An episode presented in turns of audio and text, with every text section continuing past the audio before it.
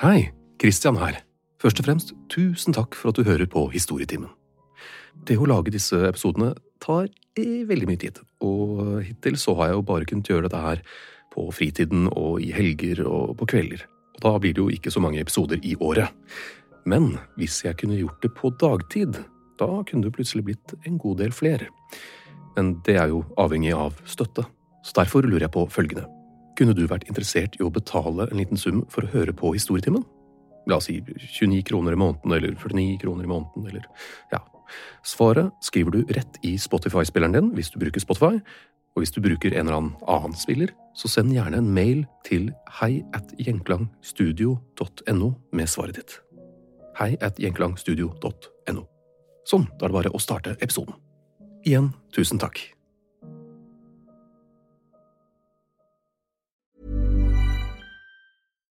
Millions of people have lost weight with personalized plans from Noom, like Evan, who can't stand salads and still lost 50 pounds.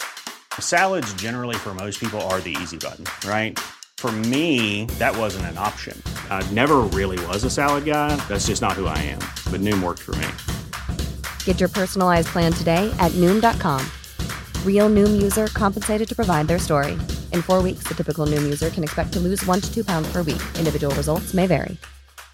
As a person with a very deep voice, I'm hired all the time for advertising campaigns. But a deep voice doesn't sell B2B, and advertising on the wrong platform doesn't sell B2B either. That's why, if you're a B2B marketer, you should use LinkedIn ads. LinkedIn has the targeting capabilities to help you reach the world's largest professional audience. That's right, over 70 million decision makers all in one place. All the big wigs, then medium wigs, also small wigs who are on the path to becoming big wigs. Okay, that's enough about wigs. LinkedIn ads allows you to focus on getting your B2B message to the right people. So, does that mean you should use ads on LinkedIn instead of hiring me, the man with the deepest voice in the world? Yes. Yes, it does. Get started today and see why LinkedIn is the place to be to be. We'll even give you a $100 credit on your next campaign. Go to linkedin.com slash results to claim your credit. That's linkedin.com slash results. Terms and conditions apply.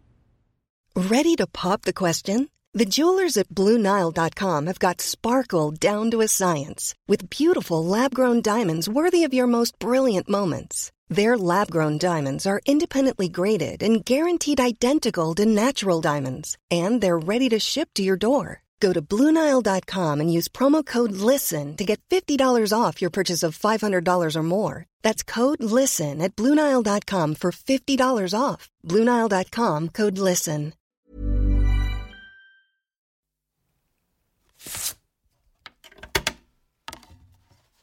Musikk. Hvor hadde vi vært uten? Det er få ting vi mennesker knytter oss lettere til enn det. Har du en sang som er spesiell for deg? Som betyr utrolig mye? Som tar deg tilbake til en tid, en følelse, en person? Som minner deg om noe eller noen som bare akkurat den sangen kan? Hva er den sangen verdt? I dag lever vi i en verden hvor musikk nesten er gratis. Du kan sikkert bare åpne Spotify, iTunes eller hva enn det skulle være, og strømme den når som helst. Så i kroner og øre koster den vel kanskje ikke så mye, men den har fortsatt en sterk følelsesmessig verdi. Hva om du plutselig ikke hadde Spotify, ikke hadde iTunes, faktisk ikke hadde Internett? Da hadde du kanskje tatt turen ned til nærmeste platebutikk? Men hva om, da du kom frem dit, så hadde de sluttet å selge den? Eller, de kunne ikke selge den, fordi den var ulovlig. Du hadde hørt den tusenvis av ganger, alle hadde det, den var populær. Men nå hadde den gått fra å bli spilt på radioen til å være bannlyst. En del av deg var plutselig borte. En del av deg hadde blitt ulovlig. Du kunne aldri høre den igjen. Hvor mye er den da verdt? Hvor mye hadde du betalt for å få høre den igjen? Hva hadde du gjort for å høre den igjen? Det skulle innbyggerne i Sovjetunionen under den kalde krigen få føle på.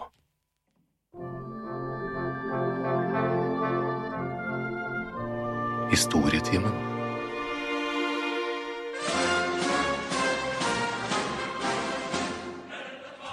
Rett etter den russiske revolusjonen var det spennende tider for kunstnere. Man skulle finne et felles uttrykk, en form for en ny tid.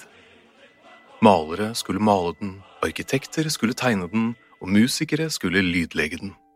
Pionerer innen kunst og kultur sto i bresjen med nyskapende ideer. Leon Termin la fundamentet for elektronisk musikk med terminen sin, og Vesten så på nyskapningene som rullet frem med store øyne. Så, i 1924, døde Vladimir Lenin, og Josef Stalin kom til makten. Og sakte, men sikkert ble den glødende, lysende horisonten mørkere og mørkere. Det hadde utviklet seg en slags kulturgerilja mellom de ulike fraksjonene i Sovjet, for det var så absolutt ikke bare én retning trotskister, marxister, stalinister osv. osv.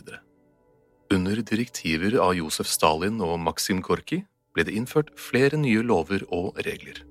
Blant annet regler for hva som var riktig kultur, hva som var riktig for personene i gata å se eller høre.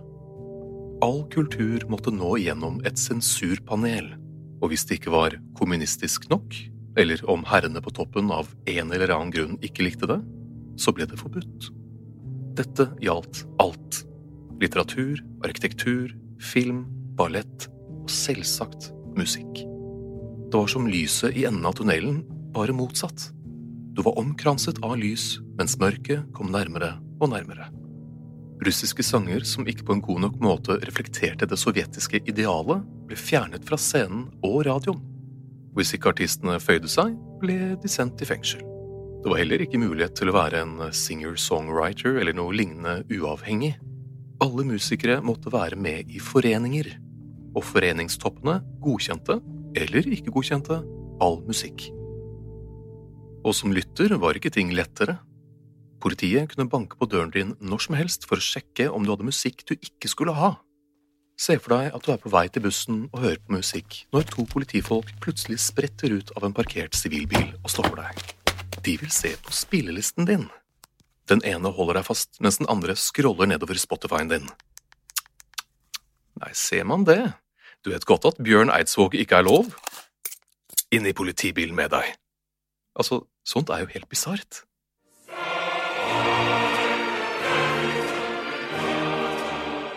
Årene gikk, og sensuren ble strengere.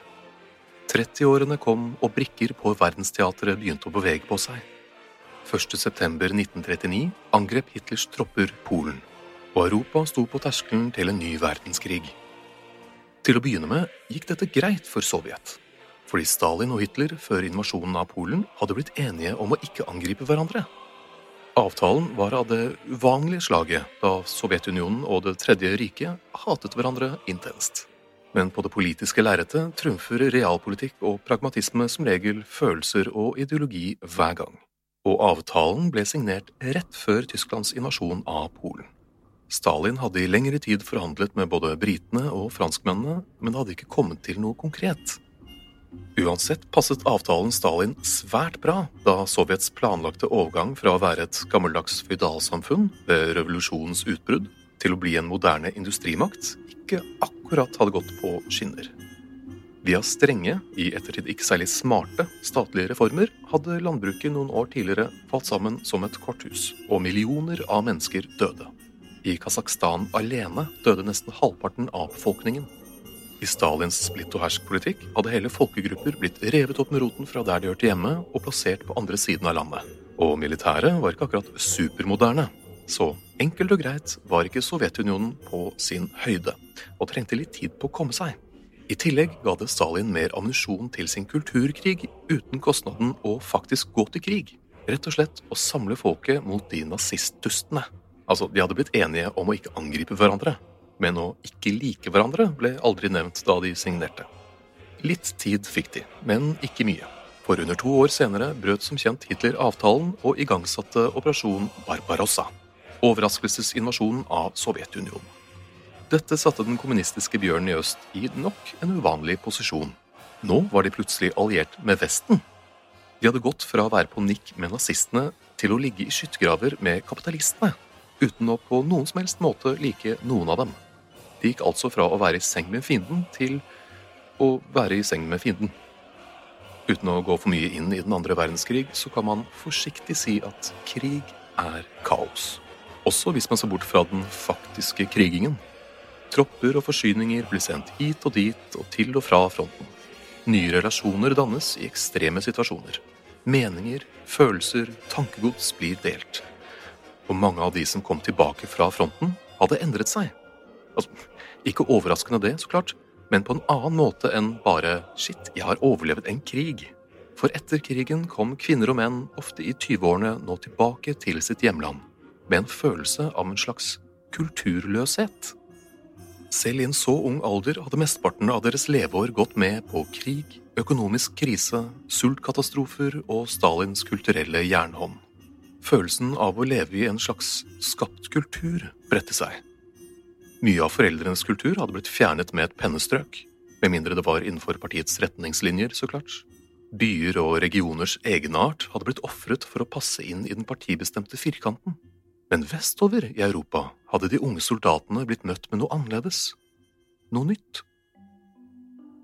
For her var de utenfor Sovjets umiddelbare sfære, og både i møte med allierte soldater og i byene de inntok, oppdaget de nye ting. Nye ideer, ny mote og ny musikk. Kanskje viktigst av alt, en tilhørighet til det nye. Mot et grått sovjetisk bakteppe blomstret det nå opp en fargerik motkultur. Stiljagi. Se for deg at du tar punkere, rockabiler og hippier og blander det sammen til en kaotisk, fargerik blomsterbukett. Så har du stiljagi. Men i motsetning til de motkulturelle rebelske tenåringene og 20-åringene vestover, risikerte ikke bare stiljagene sinte foreldre. De risikerte fengsel. Men det var ikke bare de svært synlige stiljagene som ønsket kulturell og kreativ frihet. Helt vanlige borgere hadde jo også mistet musikken sin.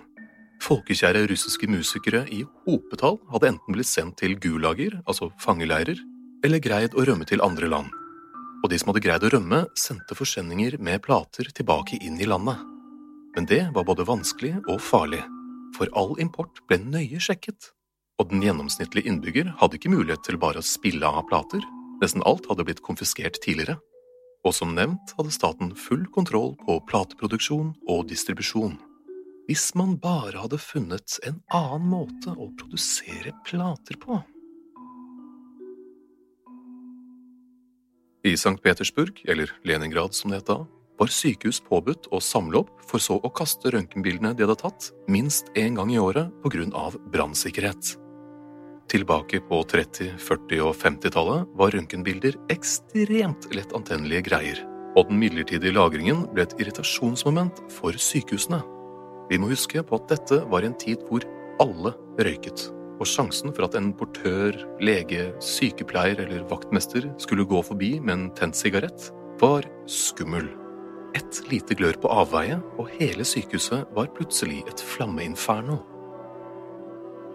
Noen luringer så dette og tenkte vi kan hjelpe dere med lagringsproblemene deres, vi. Vi bare møter opp ved bakdøra til sykehuset på et gitt klokkeslett hver uke med en flaske vodka og noen rubler, og så hjelper vi dere med dette problemet deres for røntgenbilder hadde nesten alle kvalitetene man kunne ønske for et alternativ til vinyl. Altså, det var ikke i nærheten av like bra, men så kostet det heller nesten ingenting. Og det var mykt nok til å lage riller og spor som stiften kunne følge, og samtidig solid nok til at det ikke ble ødelagt under prosessen. Og kanskje det viktigste, siden sykehusene var påbudt å kaste røntgenbildene helst så ofte som mulig, så hadde man en kontinuerlig tilførsel av råvarer, hvis man kan kalle det det så da har vi råvaren. Men man trenger fortsatt utstyr og kunnskapen. Den første dreiebenken som kunne lage disse platene, ser ut til å ha blitt fraktet til Leningrad i 1946 av en polsk entreprenør. På dagtid solgte han suvenirer fra en markedsstall, men på kveldstid lukta han sjappa, tok frem platesamlingen sin, og noen brukte røntgenbilder. Skjelettmusikk, eller røntgenidsatt som det heter på russisk, så dagens lys. Røntgenidsatt er en sammensetning av, ikke overraskende, røntgen og samitsat, som betyr selvpublisert. La oss ta en titt på selve platen.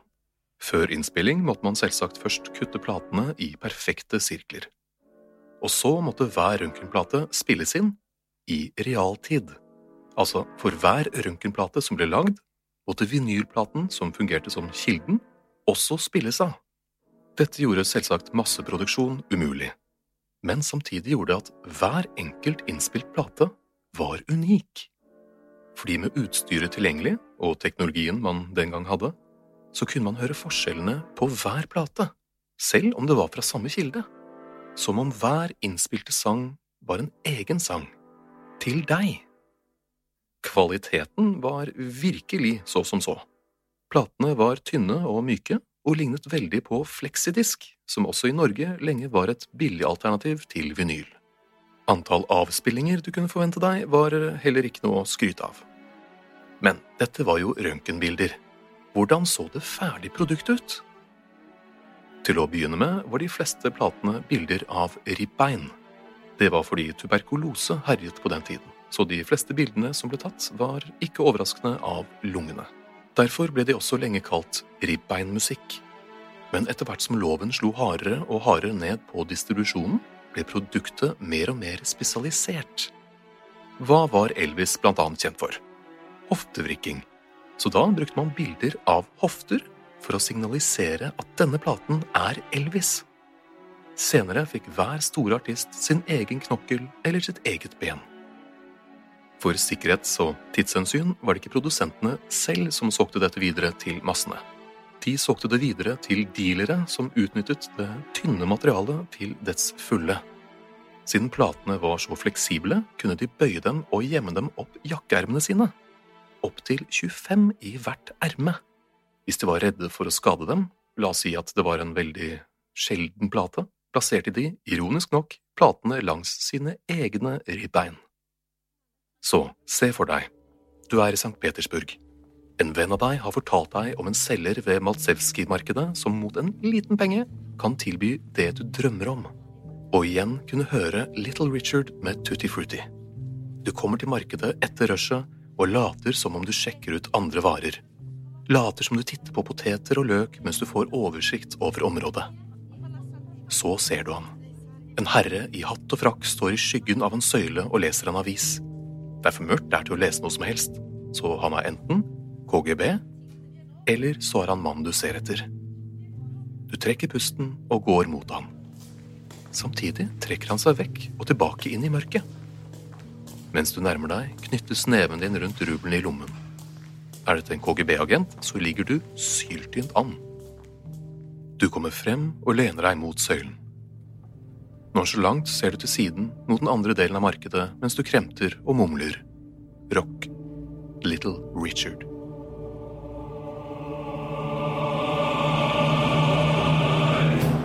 Det blir stille, og det føles ut som hjertet ditt stopper.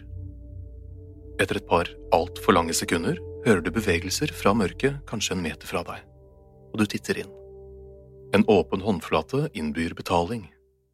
Du plasserer rublene der, og i samme håndvending har du plutselig en plate i hånda. Det går så fort at du blir satt ut og fomler med å gjemme den innunder jakken. Blodet bruser, og du går rett hjem. Og med skjelvende hender setter du spent på platespilleren, og minnet strømmer tilbake.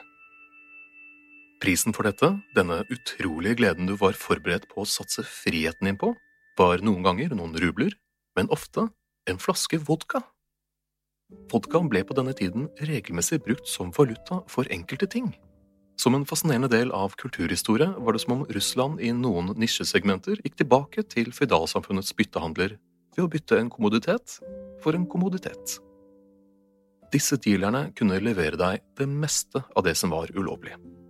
Jazz, rock, soul, selv rytmer var ulovlig, som tango, mambo og foxtrot.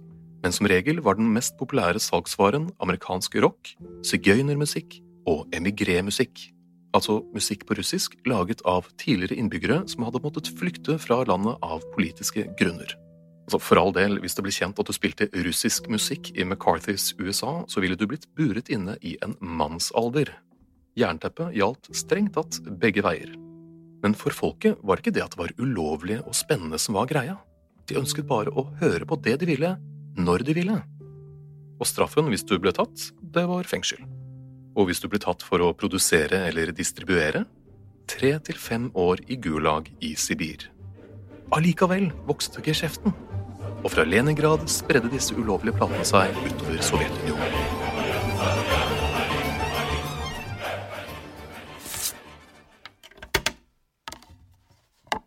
Etter Stalins død i 1953 ble det først fullstendig kaos i landet.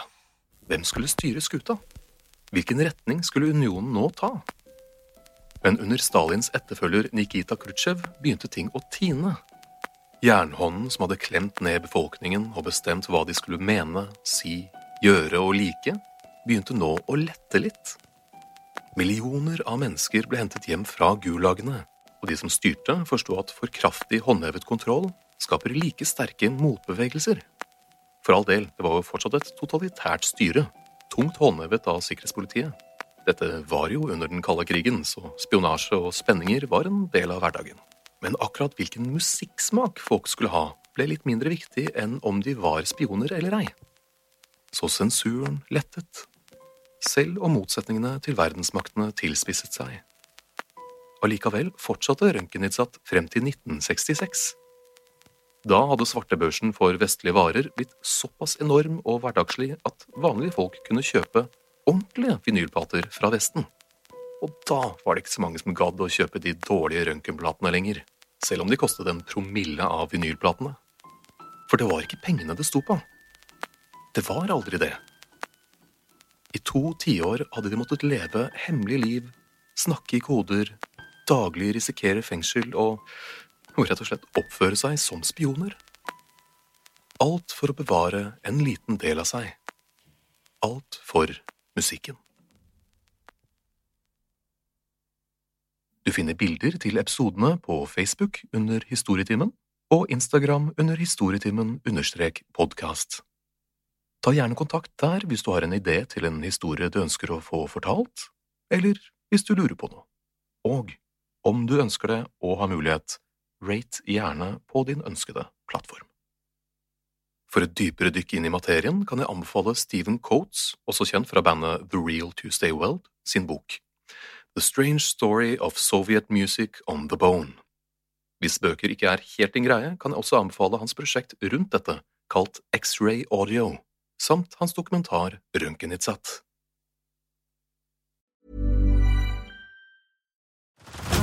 Head over to Hulu this March, where our new shows and movies will keep you streaming all month long. Catch the award winning movie Poor Things, starring Emma Stone, Mark Ruffalo, and Willem Dafoe. Check out the new documentary, Freaknik The Wildest Party Never Told, about the iconic Atlanta Street Party. And don't miss FX's Shogun, a reimagining of the epic tale, starring Anna Sawai. So, what are you waiting for? Go stream something new on Hulu.